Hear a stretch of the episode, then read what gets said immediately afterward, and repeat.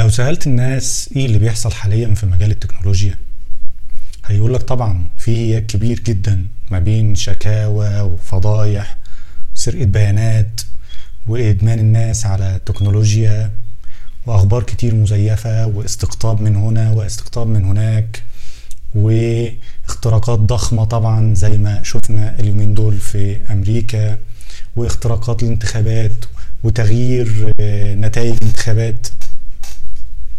وتأثير على الناخبين. وراء كل اللي بيحصل ده مصدر واحد فقط وسائل التواصل الاجتماعي. أنا إسماعيل أبو زيد ودي حلقة جديدة.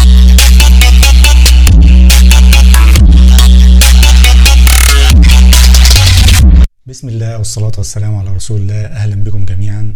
من شهرين تقريبا أنتجت شركة نتفليكس فيلم وثائقي بعنوان The Social Dilemma أو معضلة التواصل الاجتماعي. الفيلم ده بيعتبر إنه حرك المياه الراكده أو دق ناقوس خطر كبير جدا بيحيط حوالين المجتمع. الفيلم بيحذر المجتمع من خطورة مواقع التواصل الاجتماعي. ومن الأشياء فعلا اللي تدعو للقلق إن الناس اللي تم استضافتهم في الفيلم هم أشخاص من داخل الشركات دي. يعني كانوا بيشتغلوا في أعلى المناصب في شركات الكبيره دي زي فيسبوك وتويتر وجوجل ويوتيوب وإنستجرام. بمعنى أدق إن المعلومات اللي تم عرضها في الفيلم هي معلومات من داخل المطبخ. ناس كان شغلها الأساسي العمل على زيادة أرباح ونجاح هذه الشركات. البيزنس موديل أو نموذج العمل الخاص بشركات التكنولوجيا بصفة عامة هو مبني على شيء أساسي وهو انتباهك. أيوه فعلا هم بيشتغلوا على انتباهك. قضاءك أطول فترة ممكنة على التطبيقات الخاصة بيهم هو ده يعتبر النجاح الكبير بالنسبة لهم والتطبيق اللي يستطيع أن يحسم معركة كسب انتباهك هو وإنك تفضل أطول فترة ممكنة على التطبيق يعتبر ده مكسب كبير بالنسبة ليهم لأن حضرتك المنتج آه، وحضرتك مصدر دخلهم. نقطة مهمة كمان لازم تعرفها إن المصدر الرئيسي لربح الشركات دي زي جوجل وفيسبوك ويوتيوب هو كله مبني على الإعلانات. وعشان يتم عرض الإعلان للناس المهتمين فعلا بمحتوى الإعلان ده لابد إن الشركات دي تبني نموذج عنك بتحاول تجمع أكبر قدر ممكن من البيانات اللي تقدر تجيبها عنك وبناء عليه من خلال النموذج ده. وعشان يتم عرض آه، الإعلان للناس المهتمين فعلا بالإعلانات دي بما إن هي المصدر الرئيسي لشركات التكنولوجيا بصفة عامة أو شبكات التواصل الاجتماعي عشان يعمل إعلان تتفاعل مع الناس بشكل إيجابي لابد إنه يكون آه، بيقدر آه، شبكات التواصل الاجتماعي أو القائمين عليها يبدأ عندهم المعلومات الكافية عنك تصفحك اهتماماتك بيجمعوا كل البيانات دي عنك وبيشتغلوا بيها آه، عشان يقدروا يستهدفوك كويس بالإعلانات. هترد عليا تقول لي وإيه المشكلة؟ هقول لحضرتك إيه المشكلة. لو افترضنا إن دي نقطة ميلادك ودي نقطة وفاتك واللي في ما بينهم هي عبارة عن حياتك مجموعة من الأنشطة التافهة والكلام الفارغ. أنت تحب إن حياتك تكون عبارة عن كده؟ هتقول طبعا لأ. طيب تعال نشوف. لو نزلت تطبيق على موبايلك اللي هو بيحسب لك وقت استخدامك للتطبيقات التانية. انت نفسك اعتقد انك هتتفاجأ وهتصدم من النتيجة. لما تلاقي نفسك مثلا بتستخدم فيسبوك لوحده ساعتين في اليوم. لما تلاقي نفسك بتستخدم يوتيوب و... والتطبيقات التانية على موبايلك تقريبا برضو ممكن نقول ساعتين كمان في اليوم. يبقى انت كده في أربع ساعات من حياتك ضاعوا يوميا. إيه قصاد انك باصص في شاشة الموبايل؟ والأربع ساعات دول كنت ممكن حضرتك تستفاد بيهم في حاجة تانية إنك تستغل في وقتك في شغلك في عملك تتعلم حاجة جديدة. ولازم تعرف إن دي مش مشكلتك لوحدك. المجتمع كله أصبح منغمس في المواقع دي لدرجة تصل إلى الإدمان. طيب لو جينا نقول إلى ماذا تسعى هذه الشركات؟ الشركات دي بتعمل الشغل ده ليه تقول القاعدة الأساسية في استخدام الإنترنت أنه إن لم تدفع ثمن المنتج فاعلم جيدا أنك أنت المنتج. إذا كنت تعتقد أن الفيسبوك وغيره من مواقع التواصل الاجتماعي هو عبارة عن مواقع للتواصل مع الأصدقاء والاطلاع على آخر الأخبار فأنت مخطئ تماما. هم بيتنافسوا من أجل انتباهك ووقتك ليجنوا الأموال. هم هدفهم الأموال. قد يكون بداية فيسبوك وبداية المواقع دي هدفها في البداية خالص في بداية نشأتها كان شيء مفيد جدا للإنسانية وحاليا. ولكن حاليا بقى في أضرار كبيرة على المجتمعات بتهدد حياة المجتمعات كلها. أصبح الاتصال عبر الإنترنت شيء أساسي جدا.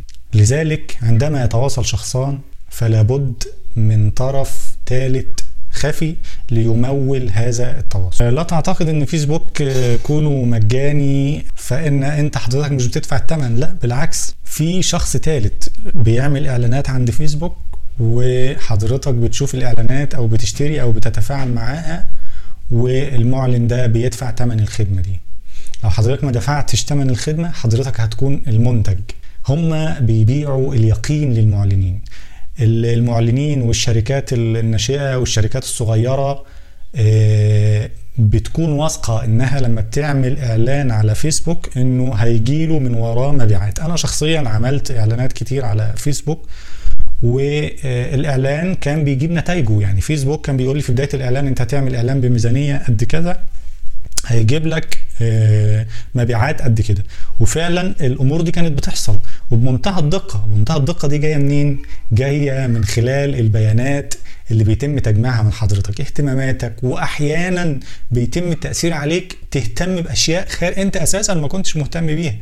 لأن الخوارزميات اللي مبني عليها الذكاء الصناعي في فيسبوك إنه لازم بيوصلك لحالات معينة إنك تمشي وراه. من خلال البيانات دي اللي بيتم تجميعها على أجهزة الذكاء الصناعي الخاصة بالشركات الكبيرة زي فيسبوك وجوجل أحيانا وصل الأمر دلوقتي إن الذكاء الصناعي مع تطوره إنه بقى بيتوقع المستخدمين بيفكروا في إيه.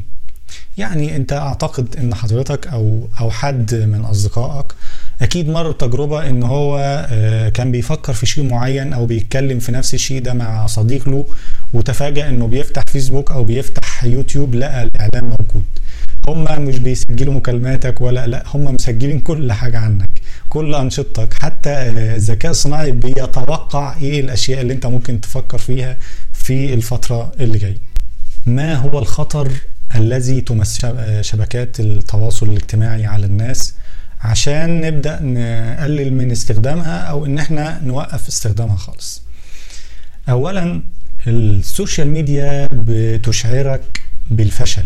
لما تيجي تقارن نفسك مع الناس وده بينشر لحظات نجاحه وده بينشر لحظات الفرح ولحظات السعادة أكيد بينشرها.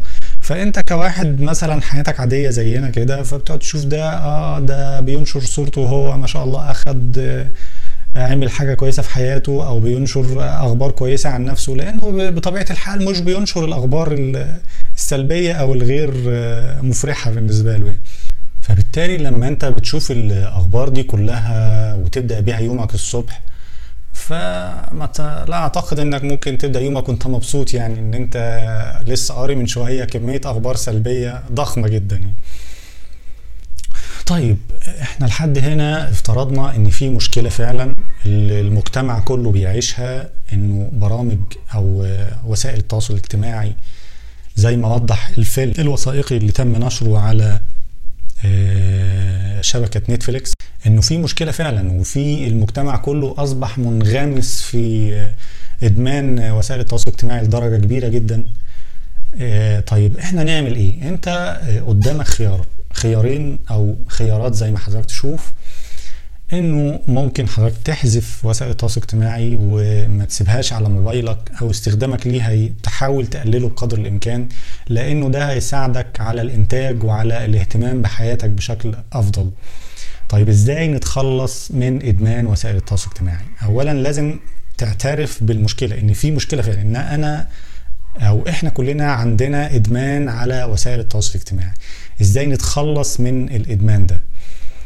أول حاجة تعملها عشان آه، ما يبقاش وسائل التواصل الاجتماعي حتى لو هي موجودة على موبايلك تاخد جزء من وقتك إن أنت تقفل جميع الإشعارات تماما. يعني كل الإشعارات اللي بيجي لك اللي بتجي لك على الموبايل من خلال آه، فيسبوك أو تويتر أو جوجل أو غيرها أو واتساب أو اقفلها تماما. يعني هتسيب الضرورية فقط مثلا رسائل الواتس أو كده هتسيب الضرورية فقط وتقفل الباقي. لأنه الحاجات دي معمولة أصلا عشان تجر رجلك جواها. زي ما جالك إشارة مثلا جالك آه، إشعار صديقك فلان أشار ليك في صورة فحضرتك هو ليه ما بيجيبلكش مثلا الصورة دي في الإشعار؟ لا هو عايزك تفتح وتروح للتطبيق عشان تشوف بنفسك ال- الصورة اللي أشار ليها صديقك. عندما تم اختراع ال- الموضوع ده الفيسبوك زودت عليه جامد واستغلته أفضل استغلال. خلي الناس تشاور لبعضها. ده بيزيد التفاعل وبيزيد آه، وقتك على التطبيقات دي وبيزيد كذلك أرباحهم من وجود حضرتك. تاني حاجة ممكن تعملها عشان آه، تتخلص آه، أو تقلل إدمانك أو وقتك لوسائل التواصل الاجتماعي وإن أنت ترتب الشاشة الرئيسية بتاع موبايلك من جديد يعني وسائل التواصل الاجتماعي زي فيسبوك وغيرها تسيبها جوه درج التطبيقات ما تسيبهاش قدامك يعني بحيث إن أنت كل ما تفتح الموبايل مش إيدك على فيسبوك أو إيدك مثلا على اليوتيوب. لا يبقى في آه، إن هي تبقى بعيدة عليك عشان ما تبقاش سهلة إن أنت تجيبها بسهولة. تالت نقطة لتخفف من إدمانك على وسائل التواصل الاجتماعي وهي إن تخلي الموبايل ما يكونش جنبك أثناء النوم ما تحطوش تحت المخدة الموبايل ما يبقاش جنبك على جنب إيدك في متناول إيدك خلي الموبايل بعيد عنك عشان خاطر ما تقضيش آه، ساعة أو أكتر قبل ما تنام وتصحى الصبح تمسكه وتقضي لك برضو ساعة أو أكتر أو نص ساعة. خلي الموبايل بعيد عنك أثناء النوم.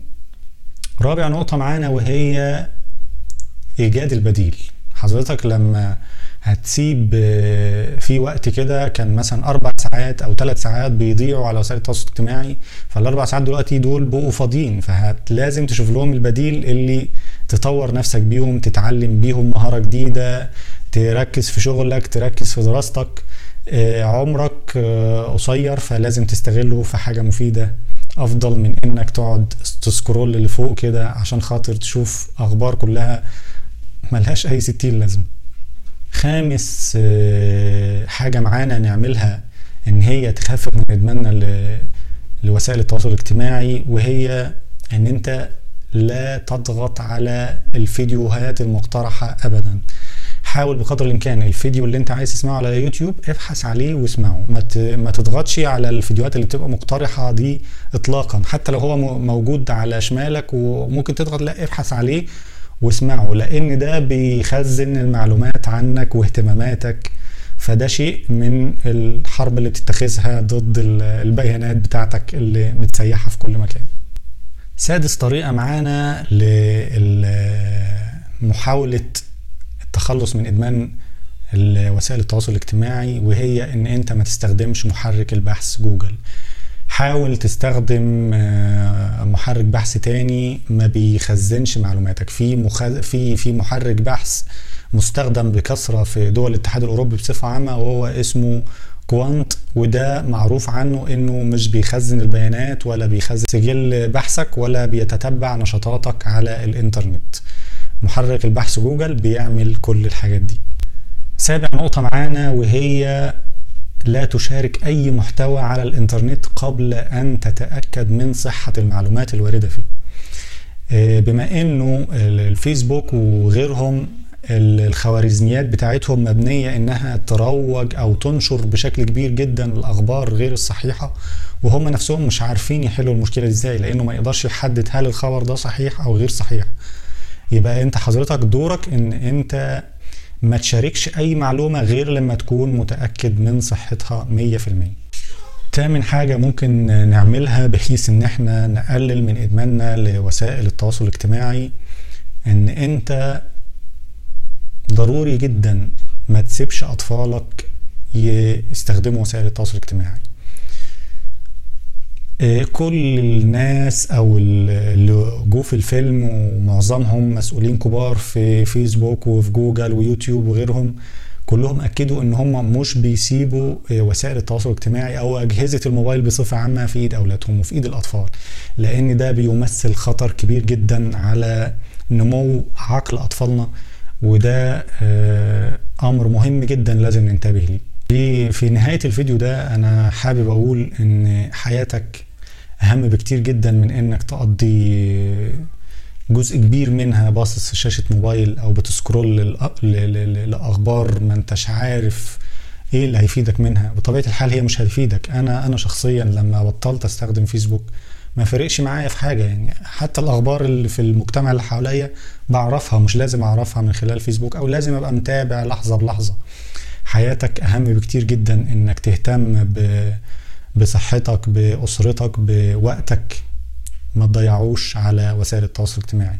بس كده ده كان الفيديو بتاعنا. نتمنى ليكم جميعا آه، حياة أفضل وما تنسوناش من دعائكم.